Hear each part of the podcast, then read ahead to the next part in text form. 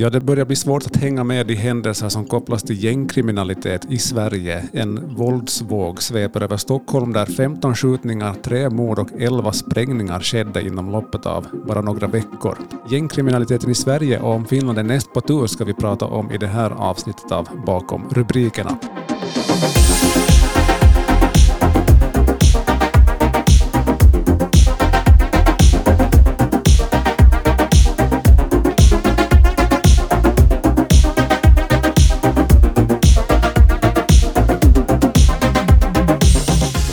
Med mig idag var Vasabladets samhällsreporter Hedvig Sandell. Hallå på dig. Hallå, hallå. Du har den senaste tiden sett närmare på just gängkriminaliteten i Finland och Sverige. Och I en av de här artiklarna som, som finns på vasabadet.fi så inleder du med att skriva att det existerar väl inget gängvåld här, kanske man tänker. Men det gör det, bara inte i samma skala som i Sverige. Och det är väl på något sätt den här bubblan man lite lever i, att allt det där som händer, det är i Sverige och det är ett svenskt problem, inte ett finländskt. Men vad säger du, hur ser den finländska gängkriminaliteten ut? Om man sammanfattar det kort så involverar den eh, tio gatugäng med ungefär hundra centrala personer. Det här är alltså det som polisen i Finland har identifierat. Men enligt centralkriminalpolisens forskare Petri Danielsson som jag har pratat med så får polisen regelbundet in nya uppgifter om, om brott där gatugäng är inblandade. Och det här har hållit på då sedan några år tillbaka. Eh, det var då polisen först upptäckte det här citat som Danielsson säger, grupperingar av personer som tillsammans gjorde sig skyldiga även till allvarliga brott. Okej. Var håller de här kriminella gängen till i Finland? Huvudsakligen är det i de största städerna, alltså i Helsingfors, Esbo och Vanda. Men enligt eh, preliminära uppgifter som polisen nu på sistone har fått in så, så det här har gängbildningar också upptäckts i andra större städer. I alla fall i Åbo kunde okay. Danielsson avslöja. Men större städer överlag. Men för Österbottens del så finns det enligt Danielsson inga tydliga belägg för att det skulle existera gängvåld där. Okay. Jag säger där för att jag befinner mig i Helsingfors. Exakt, ja. men, det här, men det som är mer vanligt i hela landet, också i mindre städer och på mindre orter, är grupper av ungdomar som utför våldsbrott. Det här klassar polisen ändå inte som kriminella gatugäng. Men, men det här är, är lite intressant för att polisen har faktiskt sett en ökning här sen ungefär 2015 och de vet inte vad det beror på. Just det. Men vad, vad håller de på med när man pratar om kriminella gärningar? Vad är det, vad är det frågan om? No, om vi pratar om de här kriminella gatugängen så främst förknippas eh, deras verksamhet i Finland med droghandel och våldsbrott. Till exempel sommaren och hösten 2021 så höll en våldsspiral vissa av de här grupperingarna emellan att uppstå. Och den lyckades polisen då avvärja genom att, som Danielsson beskriver det, ingripa i rätt tid och med effektiva åtgärder. Och, och då det här våldet beror ofta på, på droghandeln, att de vill eh, ta kontroll över den här marknaden och visa sin styrka gentemot andra gäng. Här i Finland så har också vissa gäng, gängmedlemmar visat tecken på att kunna ta till grovt våld.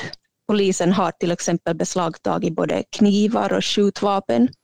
Men till skillnad från Sverige så har inga dödsfall ännu skett här i Finland, alltså dödsfall som är förknippade till de här kriminella gatugängen. Mm blir på något vis den här eh, statistiken eh, missvisande om det är så att man inte räknar med de här unga gängen som, som de här gängkriminella? Ja, jag vet inte. Det är så här som polisen i Finland väljer att kategorisera ja. de här typen av brott. Precis. Vem är det som ingår i de här gängen? Det är främst unga personer, ja. unga vuxna och ofta handlar det om män. Och de lokaliseras ofta till sämre ställda bostadsområden och då är det ofta sådana som har huvudsakligen utländsk bakgrund eftersom det är de som ofta bor på de här områdena. Att antingen så att de är födda utomlands eller att deras föräldrar är det. Okay. Men enligt polisen är det ändå svårt att exakt identifiera vilka som ingår i de här gängen. För det är inte nödvändigtvis så att man ansluter sig till ett gäng i ordets rätta bemärkelse, utan det är snarare så att man man nätverkar sig in i dem, att den här medlemsrekryteringen sker via lokala och sociala nätverk och de här nätverk kopplas ofta till specifika bostadsområden, sämre ställda bostadsområden. Ja, okay. Det man ser på läget i Finland gällande gängkriminaliteten jämfört med Sverige och övriga Europa? Vilka skillnader och likheter kan det finnas där? Sammanfattningsvis kan man säga att läget i Finland just nu ser ganska likadant ut som det såg ut i Sverige och andra europeiska länder för några år sedan. Mm. Så att utvecklingen så att säga hänger lite efter i Finland. Uh, och det betyder ju då också att läget är lindrigare här än i flera andra europeiska länder och allra minst än i Sverige för att där är ju läget exceptionellt på alla vis. Ja. Men för att ge en konkret jämförelse så uppskattas det enligt den svenska polisens uppgifter att det bara i Stockholm finns 1500 personer i de här kriminella nätverken och de fördelar sig över 52 olika nätverk. Oj. Och som jag nämnde redan, de motsvarande siffrorna då för hela Finland är 10 gäng, 100 centrala personer. Så att det går okay. egentligen inte att jämföra. Äh, det är ju jättestor skillnad. Eh, hur bra koll har vi på de här gängen som finns i Finland och hur hanterar man dem som man då känner till för att undvika att det eskalerar? Som jag förstod det på centralkriminalpolisens forskare Petri Danielsson så verkar i alla fall den finska polisen ha bra koll på de här gängen. Eh, de följer noga med utvecklingen i Sverige och andra europeiska länder och försöker ta lärdom av både mer och mindre lyckade åtgärder som har gjorts på andra håll i Europa. Så här är det ju egentligen en fördel att vi i Finland så att säga um, är lite efter övriga Europa. Att som Danielsson sa så behöver det inte betyda att läget i Finland kommer eskalera på samma sätt som i Sverige bara för att det just nu ser ut så som det såg ut eh, eh, i Sverige för några mm. år sedan. Mm. Allt handlar om hur vi tacklar den här utmaningen det som Danielsson säger att polisen är speciellt fokuserad på är just att eh, bryta eventuella våldsspiraler, hämndspiraler så fort som möjligt och så effektivt som möjligt. Och sen också eh, att se till att de här fallen då som sker, att de klaras upp Mm. Men sen säger han också att det behövs mer än bara polisinsatser. Till exempel behöver vi gå till botten med olika sociala problem, till exempel rusmedelsanvändning i de här områdena och, och just här utanförskapet, den här segregeringen, att de anhopas till olika specifika områden. Och för det här så menar Danielsson att det behövs ett slags yrkesövergripande samarbete. Att det kan handla om allt för social verksamhet på de här områdena, ungdomsverksamhet, skolan måste involveras och, och också till exempel i stadsplaneringen, kommuners stadsplanering behöver man ta det här i beaktande. Polisen verkar ha koll på det här, men sen vet jag inte hur andra uh, instanser inom samhället har, mm. hurdan koll de har.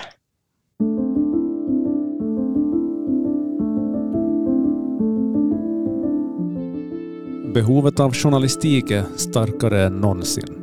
Vi här på Vasabladet gör vårt bästa varje dag för att du ska kunna ta del av det som händer lokalt, regionalt, nationellt och internationellt. Att prenumerera på Vasabladet är det bästa sättet att stödja vårt arbete så att vi kan fortsätta bevaka händelser och skeenden i samhället. Vasabladets nyheter hittar du bland annat i Vasabladets nyhetsapp och på vasabladet.fi. Följ oss gärna på sociala medier, på Instagram, Facebook och Twitter. Tack för att just du stödjer vår journalistik. Och nu har du som lyssnare och inte prenumerant möjlighet att prova på Vasabladet en månad för endast en euro. Det ger dig tillgång till allt innehåll på nyhetssajt och i VBL-appen. Allt du behöver göra är att söka dig till vbl.fi podd. Tack för att du lyssnar på Bakom rubrikerna.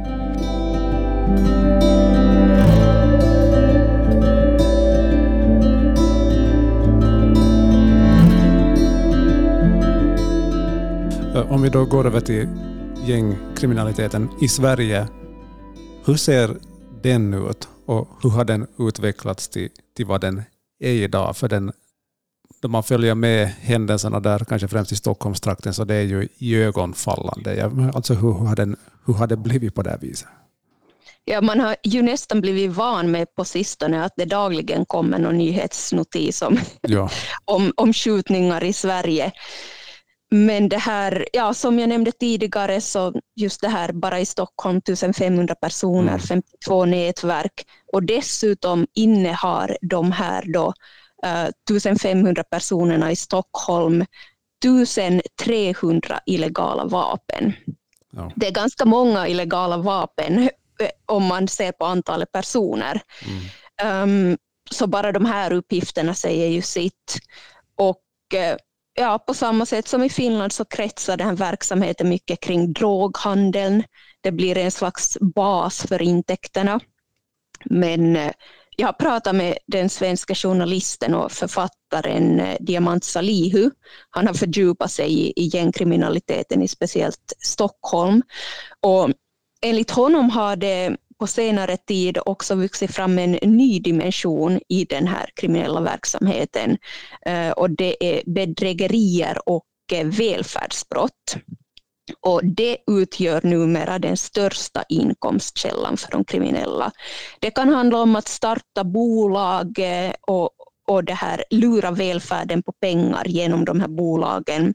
Och sen också det här med åldringsbedrägerier som vi har hört om mycket i de svenska nyheterna de senaste åren. Det vill säga att de ringer upp äldre personer, lurar till sig bank-id-nummer och beslagtar tillgångar. Okay.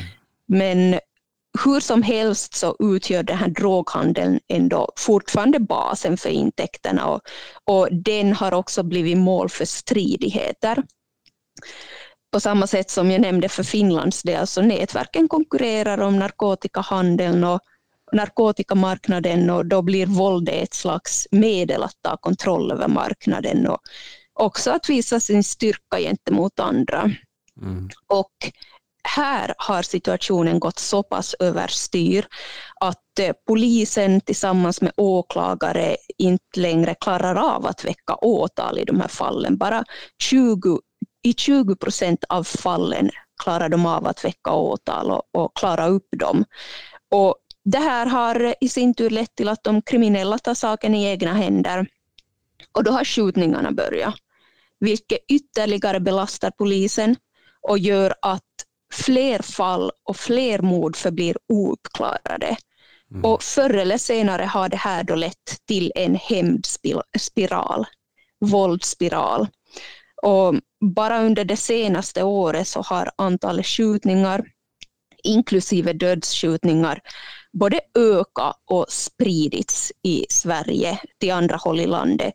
Tidigare, för ungefär ett decennium sedan, när det här gängvåldet började bli ett problem i Sverige, så då skedde skjutningar främst i storstäderna Stockholm, Göteborg, Malmö, men nu har de spridits också till mindre städer, till exempel Salihu räknar upp Kalmar, Örebro, Linköping, Gävle, Sandviken, Luleå, och i takt med det här har de här personerna som ingår i de här kriminella nätverken också börjat radikaliseras mycket snabbare. Det vill säga från att de som unga killar börjar med småbrott, till exempel stölder, personrån, så ligger mord inte så långt fram i tiden. Mm. På samma sätt som det gjorde förut och det här är en oroväckande utveckling. Alltså, finns det någon, någon förklaringsmodell eller flera sådana varför utvecklingen har tagit den här riktningen, att det har eskalerat på det här viset i Sverige? Enligt Diamant Salihu så finns det ingen enkel förklaring på det här att eh, i vissa sammanhang så hör man personer som vill förenkla det och, och genom att skylla allt på migrationen men mm. enligt Salihu så är verkligheten så att säga mer komplex än så. Um, på basis av samtalet med Salihu så skulle jag ändå kunna sammanfatta fem faktorer som kanske är de främsta till den här utvecklingen. För det första handlar det om segregationen som vi redan har nämnt. Den är otroligt stor i Sverige. I vissa områden bor det nästan enbart personer med utländsk bakgrund och bland de här personerna finns det stora grupper människor som aldrig haft möjlighet att gå i skolan på grund av krig i, i deras hemländer. Och det här förstärker inte bara utanförskapet hos de här personerna utan också bland deras barn trots att barnen kan vara födda i Sverige. Och sen också många skolor i de här områdena har under en väldigt lång tid släppt ut elever från årskurs 9 utan att de här eleverna är behöriga till gymnasiet och, och med brist, bristfälliga svenska kunskaper till exempel. Och, så. och samtidigt som den här segregationen pågår så har majoritetssamhället flyttat ut från de här områdena låt säga postkontor, bankkontor, Försäkringskassan, arbetsförmedling, kommunhus. Allt sånt har flyttat ut, vilket har gjort att de här områdena och människorna som bor i dem har blivit ännu mer isolerade. Ja. Och eh, den andra faktorn till den här utvecklingen är en dålig polisnärvaro. Den har att göra med en omorganisering eh, som den svenska polisen inledde redan 2015 och det här har lett till att polisen helt enkelt inte haft resurser att vara tillräckligt närvarande på, i de här områdena. Och sen den tredje faktorn är just narkotikasmugglingen och, och konsumtionen av narkotika. Det öppnar upp för en alternativ arbetsmarknad som kanske känns lockande för sådana som inte är behöriga till gymnasiet, som inte har tillräckligt goda kunskaper i svenska. Och, och sen då den fjärde faktorn, då har våldet börjat i och med den här eh, konkurrensen om narkotikamarknaden. Och vare sig polisen eller socialtjänsten har varit tillräckligt på tårna från början, vilket har lett till att skjutningarna eskalerat. Och då som den femte faktorn, de här skjutningarna, när de väl har eskalerat, så de har inte klarats upp. Och då, då är vi inne i den här våldsspiralen. Okay.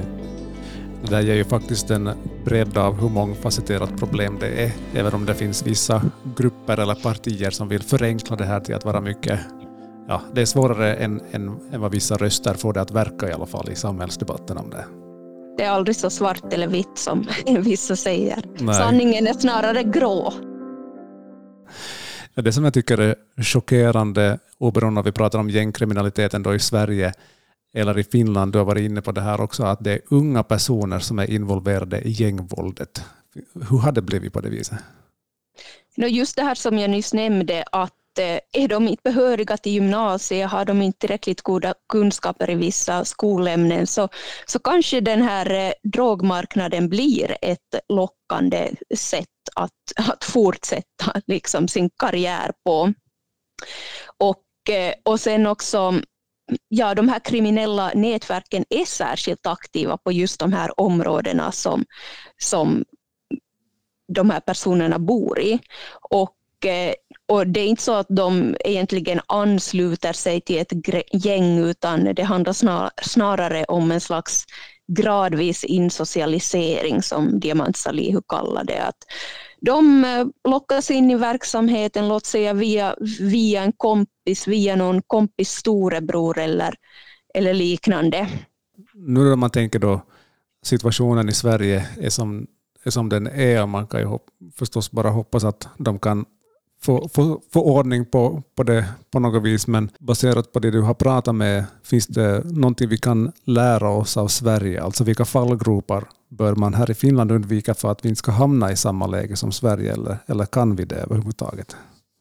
Det kan vi absolut och för det första har vi ju bättre förutsättningar till det just nu än vad Sverige har, för mm. att Sverige har än kommit så långt ner i den här skiten, ursäkta ja ordval, men det här så att vi har alla möjligheter att åtgärda det innan det hinner bli ett stort problem.